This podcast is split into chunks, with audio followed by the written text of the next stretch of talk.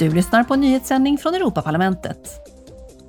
Idag besöker budgetkommissionären Johannes Hahn parlamentets budgetutskott. Han förväntas föreslå en lösning för att avsätta pengar till Ukraina 2023. Parlamentet vill ha en motståndskraftig EU-budget som klarar dagens påfrestningar. Den nuvarande fleråriga budgetramen har inte utformats för att hantera den senaste tidens händelser, som till exempel kriget i Ukraina. Parlamentarikerna ska också rösta om ett initiativ från Europaparlamentet. Förslaget handlar om 720 miljoner euro till medlemsländerna från EUs solidaritetsfond. Idag håller medborgarrättsutskottet en offentlig utfrågning om hur brottsbekämpningen ser på kameraövervakning i det offentliga rummet. Under utfrågningen ställs frågan om hur biometri kan användas i kampen mot brottslighet på ett säkert sätt utan att kränka den personliga integriteten.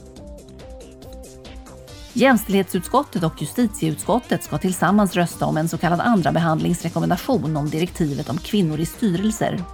Tanken med texten är att få en jämnare könsfördelning i bolagsstyrelser.